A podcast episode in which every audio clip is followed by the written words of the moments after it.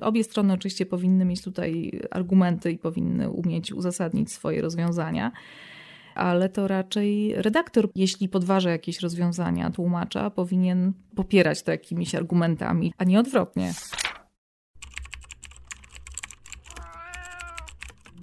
Na przykład podcast Stowarzyszenia Tłumaczy Literatury.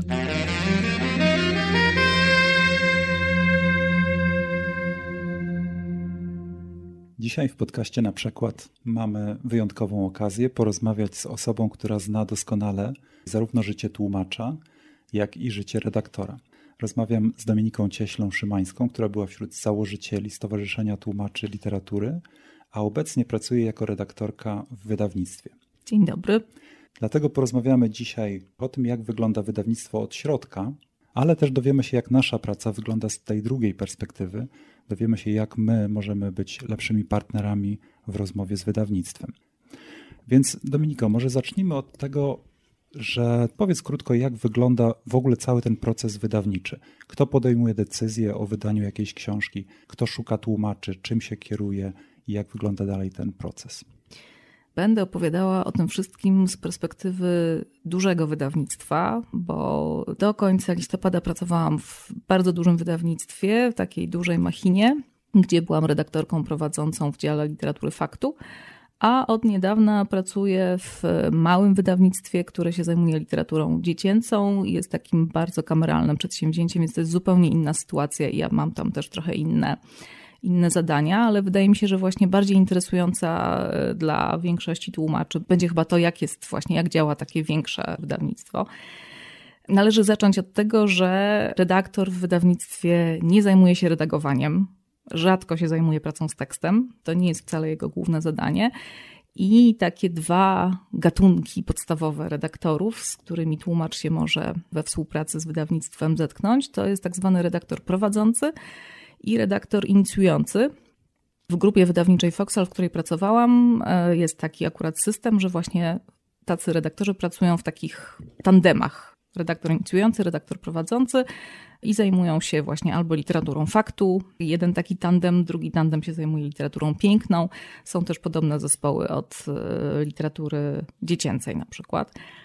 Rolą redaktora inicjującego jest wymyślanie książek, to znaczy to on właśnie się zajmuje poszukiwaniem tytułów, układaniem programu, czytaniem recenzji wewnętrznych, on jeździ na targi książki, współpracuje z agentami literackimi. On także się zajmuje na przykład, kiedy już zostanie podjęta decyzja o tym, że kupujemy jakiś tytuł, negocjowaniem i podpisywaniem kontraktów z właścicielami praw. No i kiedy redaktor inicjujący, no, który oczywiście działa we współpracy z dyrektorem wydawniczym i w ogóle z władzami, z szefostwem wydawnictwa, kiedy już zostanie podjęta decyzja, że kupujemy jakiś tytuł, że ten tytuł wchodzi do planu, to pałeczkę przejmuje właśnie redaktor prowadzący, którego zadaniem jest e, zrealizowanie tego pomysłu, zrealizowanie tego projektu, który właśnie został do planu wprowadzony. No i tu się zaczyna właśnie moja rola. Aha, czyli od kogoś otrzymujesz tak jakby zadanie do wykonania, którym jest doprowadzenie do publikacji książki, która już została dla ciebie wyszukana i wybrana. I teraz ty się poruszasz, jak rozumiem, w ramach pewnego harmonogramu, tak? Tak, y tak. Ja dostaję sygnał no właśnie, że oto kupiliśmy jakąś tam wspaniałą, nie wiem, biografię czy reportaż do realizacji, no i muszę go wyprodukować, muszę go zrealizować, działając oczywiście w jakichś określonych, zwykle takich dosyć sztywnych ramach. Jedną ramą jest dla mnie plan wydawniczy, czyli po prostu daty. Zazwyczaj jest określona data wysłania do druku i data premiery książki takie ramy tworzy też y, budżet książki, bo zaraz na początku, właśnie w momencie kupienia, zakupu tytułu, jest tworzona taka dosyć szczegółowa kalkulacja uwzględniająca. Wiem, że brzmi to okropnie, ale niestety no, redaktorzy właśnie w wydawnictwach muszą myśleć w kategoriach projektów, budżetów i również kosztów produkcji po prostu książek. W tym momencie książka się staje produktem. Więc działam też w, właśnie w ramach takiego, e, takiego budżetu. A jeśli możesz tak. uchylić rąbka tajemnicy, to teraz masz jakiś tam określony budżet i zgłaszasz się, jak rozumiem, teraz ty sięgasz po swoją listę sprawdzonych, zaufanych tłumaczy, albo swoich, kontaktów albo wydawnictwa? Jak to wygląda? I oni wtedy mhm. znowu, jeśli chodzi o te pieniądze, czy oni mówią, że oni się nie schylą po mniej niż dajmy na to 800 i ty masz jakieś widełki do rozmowy, czy to jak to wygląda? Mm, no wygląda to tak, że każdy redaktor prowadzący ma swoją jakąś listę nazwisk, tak, swój zespół no, tak, stajnie. No swoją, no nie, no nie chcę o tym mówić stajnie, ale rzeczywiście ma swoją listę E, doświadczonych i sprawdzonych redaktorów, korektorów, tłumaczy, firm zajmujących się składem. I z tej listy spośród tych osób wybiera sobie za każdym razem zespół, który będzie realizował daną książkę. No i tak, ja mam oczywiście jakiś tam zakres, właśnie ten budżet mi jakoś tam wyznacza jakieś tam ramy, ale są też oczywiście jakieś widełki i jakieś tam pole do, do negocjacji, chociaż zazwyczaj dosyć niewielkie. Jaki tłumacz Twoim zdaniem ma szansę na otrzymanie wyższej stawki za arkusz? Co decyduje w Twoich oczach o tym?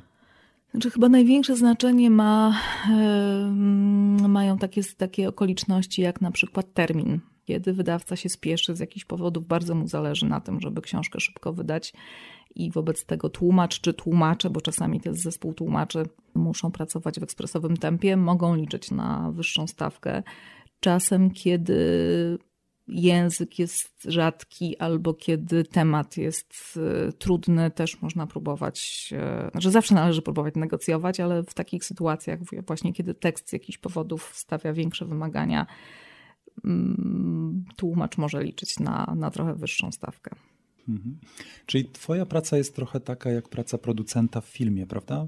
Masz cały szereg takich elementów, z których jednym jest tłumaczenie, Pierwszym zadaniem redaktora prowadzącego jest w ogóle ocenić, z czym, ma, z, z czym mamy do czynienia.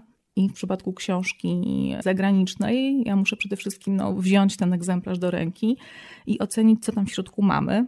No bo z mojej perspektywy książka jest takim zbiorem rozmaitych elementów, które trzeba będzie w jakiś tam sposób właśnie zrealizować, bo to nie jest tylko tekst, ale to też często są ilustracje, to są jakieś materiały dodatkowe, typu na przykład indeks to jest również okładka, którą też trzeba e, zrobić. Więc w tym momencie no ja muszę przewidzieć e, właśnie ile tych elementów będzie, jakie one będą i kto się zajmie poszczególnymi zadaniami i wymyślić zespół po prostu do tej książki. A ile masz osób tak na ogół z doświadczenia, jak wiesz, że masz zrobić jakąś książkę? Czy myślisz wtedy sobie, no dobrze, kogo z dziesięciu osób, z którymi zwykle współpracuję, mam wybrać, czy kogo z, ze stu? No, na, na, mojej liście nazwisk, znaczy na mojej, w, moim, w mojej stajni, dobrze, może używajmy tego, tego terminu, e, z której korzystałam w GWF-ie, było no, kilkunastu redaktorów, kilku korektorów, kilka firm takich od składu i około 20 tłumaczy mniej więcej. Mhm. To opowiedz nam jeszcze w takim razie, czy to jest stresująca praca, jakie masz obciążenie, ile takich projektów mhm. naraz się kręci na Twoim biurku? Opowiedz coś o tym. No jest to dosyć stresująca i obciążająca praca, chyba przede wszystkim dlatego, że Pracuje się zazwyczaj nad kilkunastoma projektami jednocześnie i każdy z nich jest na innym etapie. W GWF-ie tych projektów, znaczy ja byłam odpowiedzialna za około 30-40 projektów rocznie, przy czym to się jeszcze dynamicznie zmieniało, bo czasami było tak, że coś wypada z planu, a czasami coś e, nieoczekiwanie do tego w tym planie się pojawia i trzeba się nim zająć, czasem bardzo pilnie. Więc to jest chyba źródło stresu, że właśnie mamy no jakby jednocześnie tych kilkanaście lokomotyw, którymi się musimy zajmować i to, że każdy projekt to jest tak naprawdę milion różnych detali, o które trzeba zadbać i właściwie trzeba nieusta- wykazywać nieustającą czujność i, i, i stworzyć sobie jakieś metody organizacji pracy, żeby o niczym nie zapomnieć. No jest to w dużej mierze taka praca organizacyjna, logistyczna, wymagająca przewidywania, y, planowania, przewidywania błędów, przewidywania katastrof, przewidywania również własnych jakichś błędów czy niedopatrzeń, które mogą mieć czasami jakieś bardzo nieprzyjemne skutki, nie wiem, finansowe na przykład, bo o czymś zapomnieliśmy i coś trzeba robić y, od początku. Mm, więc to tak, jest ciebie? to dosyć stresujące. Dla tak. ciebie co jest takim najgorszym koszmarem, kiedy sobie myślisz o tym? Mm. Z punktu widzenia oczywiście współpracy z tłumaczem, no bo rozumiem, że no, może z punktu się widzenia współpracy, ale... z punktu widzenia współpracy z tłumaczem, no to chyba no, pierwszy koszmar to jest taki, że dostaję tekst, który się do niczego nie nadaje i muszę podjąć decyzję właśnie, co robimy. Czy odrzucamy zupełnie ten przekład, czy jednak znajduję jakiegoś redaktora, płacę mu potrójną stawkę i on ten tekst jakoś doprowadzi do ładu. No to jest rzeczywiście bardzo poważny problem. Kiedy mamy sytuację, że tłumacz, nie wiem, zdecydował się na tekst ponad siły albo z jakichś powodów osobistych kompletnie jakoś zawalił sprawę, to jest rzeczywiście bardzo, bardzo duży problem, no jakby i logistyczny, i też finansowy, no bo jeżeli odrzucimy ten przekład, no to znaczy, że musimy znaleźć kogoś innego i zapłacić mu za, za kolejny przekład. Całe domino tam produkcji, promocji się wali, więc to, to, jest, to jest rzeczywiście trudna sytuacja. No bardzo też nieprzyjemną i trudną sytuacją, której nie znoszę, naprawdę, to jest co jest fatalne, jest taka sytuacja, kiedy ktoś mi znika znikają nie tylko tłumacze, czasem znikają też redaktorzy, chociaż oni są chyba najbardziej odpowiedzialni. Bywa, że znikają autorzy. Znaczy mówię o takiej sytuacji, kiedy ktoś po prostu przestaje odpowiadać na telefony, przestaje odpowiadać na maile, termin minął, nie wiadomo co się dzieje, czy może ktoś wyjechał na Hawaje, czy umarł, czy no w ogóle jakby zazwyczaj się oczywiście odnajduje i się okazuje, że nie, nie, nie wydarzyły się jakieś straszne naprawdę dramaty ale to jest, to jest naprawdę niepoważne i nieodpowiedzialne, bo no z mojej perspektywy właśnie tego jakby kierowcy tego kombajnu, tak, tej, tego nie wiem, kierownika budowy, to jeśli się wydarzy jakaś katastrofa, to ja bym chciała tej katastrofie wiedzieć jak najszybciej, bo mm. tylko wtedy ja mogę znaleźć jakieś rozwiązania, wymyślić jakąś, nie wiem, przestawić harmonogram, tak, uzgodnić z, ze wszystkimi innymi działami, e, nie wiem, działem produkcji czy działem promocji, że zmieniamy właśnie, że coś się zmienia, że termin się przesunie ale żeby to zrobić, ja muszę mieć jakieś wiarygodne informacje od mojego podwykonawcy, tak? Czy to jest tłumacz, czy to jest, nie wiem, redaktor, czy to jest konsultant, czy ktoś inny, z kim współpracuję, bo no, sytuacja, kiedy ktoś po prostu chowa głowę w piasek, znika i udaje, że go nie ma, jest no okropna. Czyli redaktor inicjujący znalazł już książkę, przekazał ją tobie jako redaktorce prowadzącej ty doprowadziłaś szczęśliwie do tego, że tłumacz dostarczył tekst na określony termin i teraz, jak rozumiem, przekazujesz to jeszcze dalej do innego rodzaju redaktorów, tak? To opowiedz nam, co dalej się dzieje z tekstem, który my wysyłamy do ciebie. No tak, no bo redaktor prowadzący, tak jak już powiedziałam wcześniej, zasadniczo nie zajmuje się redagowaniem, tylko wybiera ze swojego zespołu redaktorów zewnętrznych, no kogoś, kto możliwie najlepiej się zaopiekuje danym tekstem.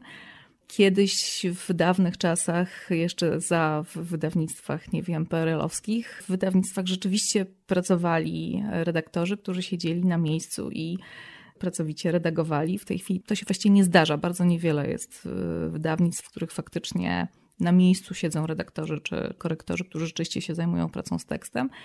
W tej chwili się to po prostu zleca. No i w idealnej sytuacji wygląda to tak, że kiedy dostanę punktualnie, kompletny i znakomicie przetłumaczony tekst od tłumacza, staram się dobrać możliwie najlepiej redaktora do danego tekstu, do danej tematyki. Idealnie byłoby, gdyby to był redaktor znający tekst oryginału. Proponuję mu najpierw taką pracę i umawiam się z nim na określony termin, na określoną stawkę. I y, również w idealnej sytuacji taki redaktor w umówionym terminie przekazuje redakcję, czyli plik z naniesionymi poprawkami zazwyczaj, bo właściwie już się, się tego nie robi na papierze, przekazuje tłumaczowi do korekty autorskiej. Jakie są nasze prawa w takim momencie? Jeżeli dostajemy taką korektę autorską mhm. i na przykład nie zgadzamy się z tymi rozwiązaniami, jaka byłaby przyjęta praktyka? Czy musimy potulnie uszy położyć po sobie, czy też mamy tutaj pole do jeszcze rozmowy? No, prawo do korekty autorskiej jest określone w ustawie o prawie autorskim, więc gdyby jakiś wydawca stanowczo się na, to, na taką korektę nie zgadzał, czy jakoś dyskutował w tej kwestii, to należy mu odpowiedni paragraf tej ustawy po prostu pokazać.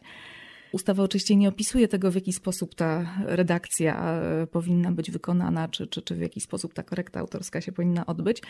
No ale dosyć oczywiste jest, że redakcja, którą otrzymuje tłumacz do akceptacji, musi być widoczna, więc powinna zostać wykonana po prostu na pliku Wordowym, nie na składzie.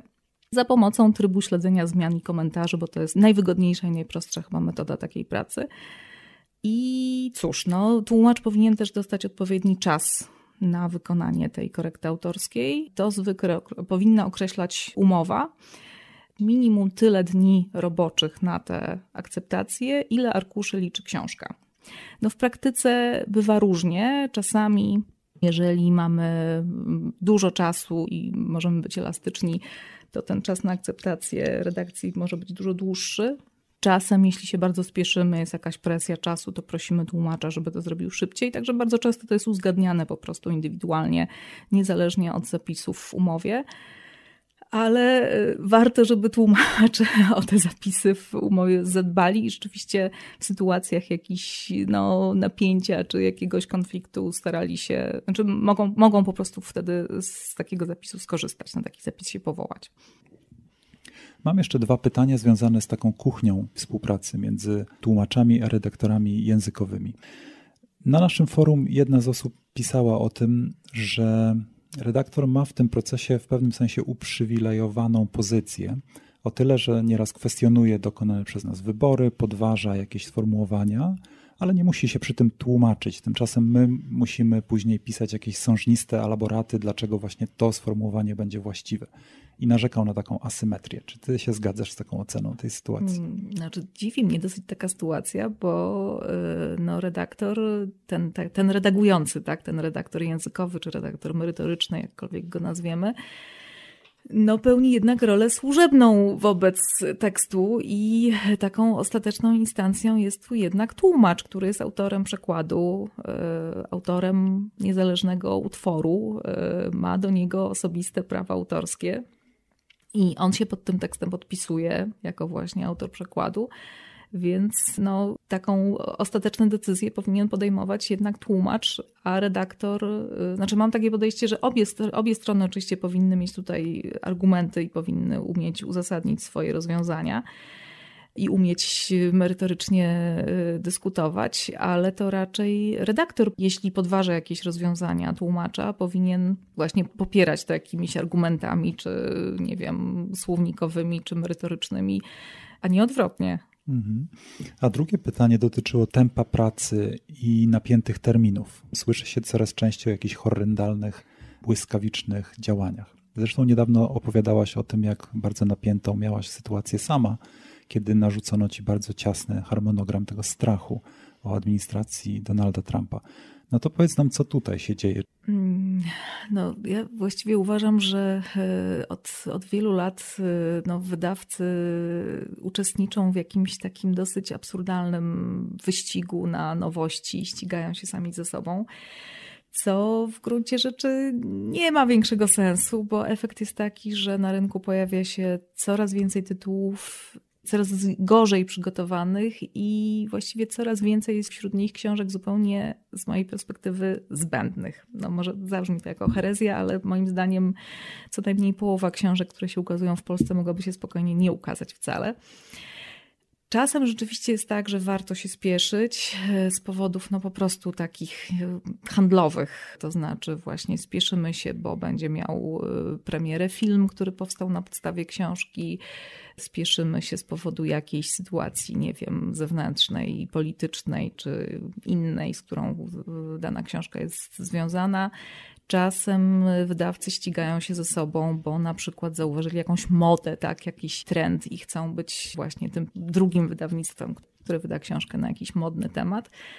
No w przypadku książki o Donaldzie Trumpie sytuacja była taka, że yy, znaczy tutaj też pewnie nic takiego bardzo strasznego by się nie stało, gdyby ta książka się ukazała parę miesięcy później, ale niewiele później, dlatego że ona ma charakter taki mocno publicystyczny. No, sytuacja polityczna w Stanach jest też dosyć dynamiczna, więc po prostu ta książka mogłaby się rzeczywiście, znaczy ona się prawdopodobnie dosyć szybko zestarzeje. No oby jak najszybciej się zdezaktualizowała. Jeśli chodzi o ten pośpiech i o, o wyznaczanie tłumaczom, czy też redaktorom, czy innym osobom współpracującym z wydawcami absurdalnie krótkich terminów, to no, myślę, że często wynika to po prostu ze złej organizacji, po prostu ze złego planowania pracy i no, z, nie wiem, niewystarczających kompetencji, czy niewystarczającego doświadczenia osób, które ten cały proces organizują, bo w wielu przypadkach można to zorganizować tak, żeby to się wszystko działo w rozsądnym i spokojnym tempie.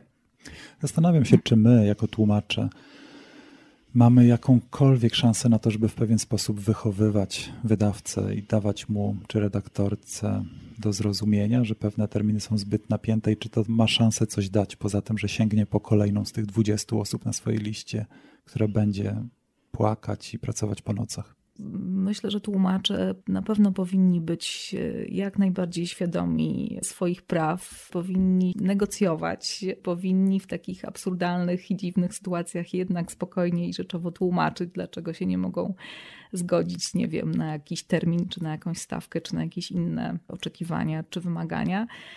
No chyba, nie wiem, wydaje mi się, że jedyną drogą jest tutaj po prostu praca u podstaw, y, edukacja i staranie się o to, żeby być no, takim hmm, asertywnym i kompetentnym partnerem tej współpracy. To może zanim jeszcze zamkniemy temat wydawnictwa i jak ono w środku działa, to chciałem zapytać jeszcze o dwie rzeczy z tym związane. Mówiłaś o tym, że inicjujący redaktor jest tą osobą, która wprowadza nowe książki do planu wydawniczego. Znaczy mogę tutaj, znaczy może jeszcze z takim małym zastrzeżeniem. To może wyglądać różnie w zależności od y, wydawnictwa. W małych wydawnictwach decyduje po prostu właściciel. W większych wydawnictwach właśnie to jest decyzja zbiorowa, to znaczy jest, nie wiem, dyrektor wydawniczy, zastępca dyrektora wydawniczego, jest prezes wydawnictwa, jest jakieś kolegium, które się zbiera i wspólnie podejmuje takie decyzje ale z naszej perspektywy, czyli tłumaczy, jeżeli mamy jakąś książkę, którą my byśmy bardzo chcieli, żeby ktoś ją wprowadził na rynek, to chyba najrozsądniej będzie skontaktować się z redaktorem prowadzącym, z którym najczęściej mamy do czynienia, a on ewentualnie to eskaluje gdzieś tam na te inne szczeble. No tak, tak najprościej jest po prostu zapytać, kto się zajmuje propozycjami wydawniczymi, czy do kogo można takie propozycje kierować i wtedy po prostu tam taką ofertę przesłać. Jakie standardy profesjonalne w branży powinien spełniać tekst, który my jako tłumacze wysyłamy? Czyli jeżeli sobie wyobrazimy jakieś takie spektrum od tekstu, który jest tak doskonały, że boisz się zmienić w nim jeden przecinek, do tekstu po drugiej stronie, który jest tak fatalny, że w zasadzie trzeba tylko załamać ręce i kazać to zrobić od nowa, to gdzie ty czujesz, że jest jakiś dobry punkt równowagi?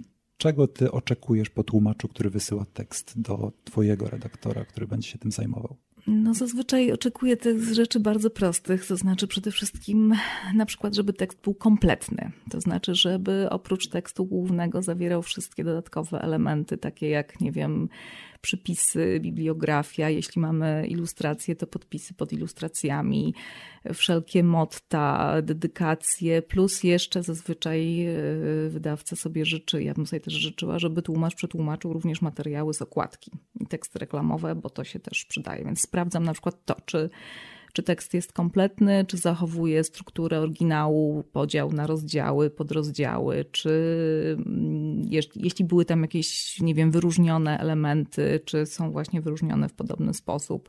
Także na przykład to, to, jest, taki, to jest taki podstawowy warunek. Przyglądam się, czy tekst został przygotowany starannie czy jest po prostu schludnie sformatowany, czy zawiera polskie znaki, czy zawiera obce znaki diakrytyczne, czy też tłumaczowi się nie chciało tych znaków e, wstawiać. I to myślę, że ma duże znaczenie. Takie pierwsze wrażenie, jakie można odnieść e, po takiej nawet pobieżnej lekturze, to jest istotne po czym sprawdzam, czy tekst jest napisany po polsku. To ma no, ogromne znaczenie. Tłumacz przede wszystkim po prostu powinien być w stanie dostarczyć spójny, poprawny gramatycznie i stylistycznie tekst. Oczywiście nikt nie oczekuje, że to będzie tekst idealny. Każdy tekst musi przejść redakcję, ale po prostu powyżej pewnego zagęszczenia usterek, nie wiem, merytorycznych, gramatycznych, stylistycznych, no redaktor prowadzący może się zastanawiać, czy jest w ogóle sens ten tekst redagować, czy też po prostu trzeba go odrzucić. Chociaż takie sytuacje się zdarzają bardzo rzadko. To ja mam właśnie jeszcze z tym związane pytanie i jeszcze jedno z tym niezwiązane, ale to jest pytanie, które często się też przewija przez nasze forum tłumaczy literatury. Bo są dwa rodzaje wątków. Jeden jest taki, kiedy tłumacz żali się nad swoją dolą, ponieważ pracuje dzień i noc, starając się doprowadzić sprawę do końca przed terminem. Czasami pisze, że już jest pięć dni po terminie i przedłużył sobie jak to wygląda e, z punktu widzenia redaktora, kiedy ktoś nie jest w stanie dotrzymać tego terminu? Innymi słowy, czy ten deadline jest taki ważny dla ciebie? A drugie pytanie dotyczy tego planu, o którym przed chwilą mówiłaś, wydawniczego, bo znowu powiedziałeś, że niektóre rzeczy znikają z niego, i wtedy też jest często lament u nas na forum FTL, że mój Boże, taka piękna książka, tak mi się podobała, taka jest wartościowa i teraz zniknęła z planów, kiedy ona się pojawi. To co się właściwie z nią wtedy dzieje? Opowiedz nam. Więc Deadline Dobrze, to najpierw o tym, plan. jak bardzo straszny jest deadline. E, dobrze, to może zdradzę tutaj taką drobną tajemnicę redaktorów prowadzących. E, zazwyczaj, kiedy układam sobie mm, harmonogram prac nad daną książką, a to zwykle wygląda tak, że układam go sobie do tyłu. To znaczy, e, powiedzmy, że mam wyznaczony termin wysłania plików do druku, nie wiem, na powiedzmy 25 sierpnia to ja muszę sobie, znając, znając jakby czas potrzebny na skład, na wykonanie, nie wiem, korekty składu, na poszczególne etapy, policzyć sobie do tyłu i wyznaczyć sobie daty poszczególnych etapów. I zazwyczaj, w tym właśnie też czas pracy tłumacza, i zazwyczaj jest tak, że zakładam sobie jakiś margines bezpieczeństwa. Mm, to znaczy, no wiem, że z wypadki chodzą po ludziach, różne rzeczy się zdarzają, nie wiem, laptopy wybuchają, koty chorują, czasem źle zaplanujemy sobie pracę. Więc staram się zawsze, umawiając się czy z tłumaczem, czy z redaktorem, czy z korektorem, jeśli tylko mogę, zakładać właśnie jakiś tam bufor. A w sytuacji, kiedy nie mam tego marginesu i kiedy ten harmonogram z jakichś tam powodów jest po prostu bardzo ciasny, z góry o tym mówię. To znaczy, że jeśli umawiamy się na powiedzmy, nie wiem, oddanie przekładu na koniec marca, to ja bardzo proszę, żeby to był koniec marca, bo właśnie mamy mało czasu i te terminy wszystkich następnych etapów, wszystkich następnych działań będą bardzo takie sztywne i, i musimy ich pilnować. Mm, no tak, no bo pewnie są takie projekty, które są na przykład już ciasno skierowane na odbiorców, dajmy na to w okresie świąt Bożego Narodzenia, albo chcecie być gotowi przed targami dużymi, albo czymś w tym rodzaju, prawda? No tak, czasami nie, niektóre projekty mają bardzo określone y, terminy, na przykład nie wiem, związane z premierą filmu, czy z jakąś tam inną okazją i po prostu wydawnictwo się wtedy stara właśnie zdążyć na ten termin i też no, wszelkie inne procesy, to znaczy umowy z drukarnią czy jakieś działania promocyjne są też już liczone właśnie od określonego terminu, dlatego to jest takie istotne. Dobrze. Czyli deadline'em nie musimy się przejmować w większości przypadków, ale teraz w takim razie, czy możemy. A jeszcze się... dlaczego, mhm. przepraszam, jeszcze dlaczego y, deadline jest ważny? Zazwyczaj umawiając się z tłumaczem, myślę od razu o tym, kto tekst będzie redagował. I wstępnie umawiam się z redaktorem, że na przykład zakładam, że do końca powiedzmy marca tłumacz odda mi tekst, więc mogę się umawiać, że w kwietniu mój najlepszy redaktor właśnie się tym tekstem zajmie. I tłumacze też mogliby brać, czy powinni brać pod uwagę to, że jeśli chcą być redagowani przez dobrych i wcześniej umówionych redaktorów, to właśnie powinni się starać zdążyć na ten umówiony termin, to znaczy oddać tekst punktualnie, dlatego że może się okazać, że jeśli tłumacz jest później dwa tygodnie, to no tak, nasz wspaniały redaktor już nie będzie miał czasu, dlatego że redaktorzy to są ludzie bardzo zapracowani, bardzo zajęci, zwłaszcza ci najlepsi. I oni też po prostu mają swoją kolejkę zleceń i swój taki często bardzo ciasny e, harmonogram, więc może się zdarzyć, że Ten tłumacz się z redaktorem rozminie, tak. i, a redaktor prowadzący będzie musiał wykonać łapankę i, i po prostu znaleźć kogoś innego, może już nie tak fajnego jak ten pierwszy umówiony. A co z tymi książkami, które znikają z planów? Niestety e, bywa tak, że z powodów e, no, różnych, no zazwyczaj finansowych, książki wypadają z planu. Jest też sytuacja rzeczywiście bardzo przykra, no właściwie dla całego zespołu, który włożył mnóstwo pracy w, w przygotowanie książki, bo czasami się, niestety się zdarza, że książki wypadają z planu na bardzo późnym etapie, kiedy już właśnie mamy przekład, mamy redakcję, czasami mamy nawet skład i z jakiegoś powodu właśnie szefowie decydują, że nie, jednak nie, jednak książki albo nie wydamy, albo zostanie mocno przesunięta. Trudno mi coś tutaj radzić tłumaczom, to znaczy na pewno czasem można liczyć na to, że książka została po prostu przesunięta i jednak za pół roku, czy może za rok się ukaże, czasem tak bywa. Jeśli to oczekiwanie się bardzo przeciąga, a wydawca nie daje jakichś jednoznacznych sygnałów, to pewnie można skorzystać z odpowiedniej procedury prawnej, to znaczy wezwać wydawcę do wydania i wtedy on się musi zadeklarować, czy książkę wyda, czy z niej rezygnuje, i można dążyć wtedy do rozwiązania umowy. Znaczy, jeśli nie, jeśli się okazuje, że jednak definitywnie rezygnuje z wydania, tłumacz może próbować odzyskać prawa i może zainteresować książką innego wydawcę. Byłaś wśród założycieli Stowarzyszenia Tłumaczy Literatury. Masz duże doświadczenie jako tłumaczka literatury, masz doświadczenie jako redaktorka w wydawnictwie. Więc kiedy o tym wszystkim myślisz i kiedy zastanawiasz się nad tą pracą, którą wykonaliście i tym wszystkim, co udało Wam się osiągnąć, to co Ty sądzisz, że my, jako Stowarzyszenie Tłumaczy Literatury, powinniśmy sobie wyznaczać za cel? Co udało się osiągnąć, a co jeszcze pozostaje dla nas do zrobienia? Dominika rozkłada ręce szeroko i uśmiecha się tajemniczo.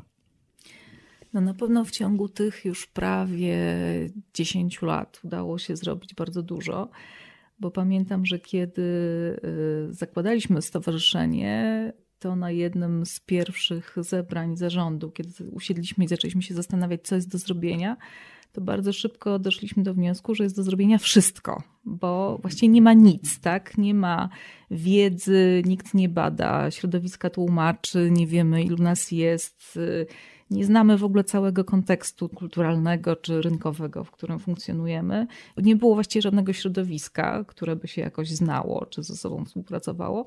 No i to jest rzeczywiście fantastyczne, znaczy to wszystko, co się udało zbudować właśnie całą tę bazę, nie wiem, wiedzy, ankiet, umowę modelową, a przede wszystkim właśnie środowisko, które się wokół STL-u wytworzyło, to jest rzeczywiście fantastyczne i to, że ludzie się właśnie wymieniają wiadomościami, doradzają sobie na różne sposoby, to jest też naprawdę świetne.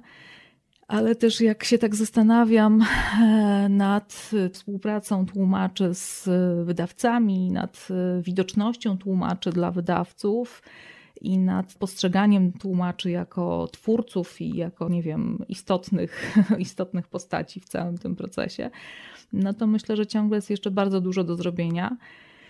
I nie mam tutaj jakichś błyskotliwych czy jakichś szalenie odkrywczych pomysłów. To znaczy, no ja mocno wierzę w taką pracę u podstaw, w różnego rodzaju działania edukacyjne. Przy czym myślę, że takim działaniem edukacyjnym może być nawet kompetentna korespondencja z, nie wiem, redaktorem prowadzącym czy z innym przedstawicielem wydawnictwa, w której tłumacz, powołując się na ustawę o prawie autorskim czy na umowę modelową, będzie umiał wykazać takiemu wydawcy, że na przykład w jakiejś tam kwestii prawnej nie ma racji. Myślę, że to już będzie bardzo ważne. Tak, znaczy myślę, że bardzo jest, bardzo jest ważne to, żeby tłumacze rzeczywiście byli świadomi jakichś zasad i, i swoich praw i żeby umieli e, o te prawa walczyć. No, a z drugiej strony, no myślę, że takie działania jak nagroda dla wydawców, którzy szczególnie dbają o tłumaczy i po prostu dawanie na różne sposoby takiego sygnału, że hej, my tutaj też jesteśmy, też jesteśmy autorami, też jesteśmy twórcami. Właściwie to my piszemy te książki, które wydajecie. To jest bardzo istotne, żeby i obserwujemy was, tak? Patrzymy, co robicie wy, wydawcy, patrzymy, czy się zachowujecie fajnie, czy nie fajnie, czy przyzwoicie, czy nie przyzwoicie wobec twórców. To myślę, że jest bardzo, bardzo ważne i chyba no, no nie widzę tutaj innej drogi. Dominiko, ogromne dzięki. Ja też dziękuję. Wysłuchali Państwo na przykład podcastu Stowarzyszenia Tłumaczy Literatury.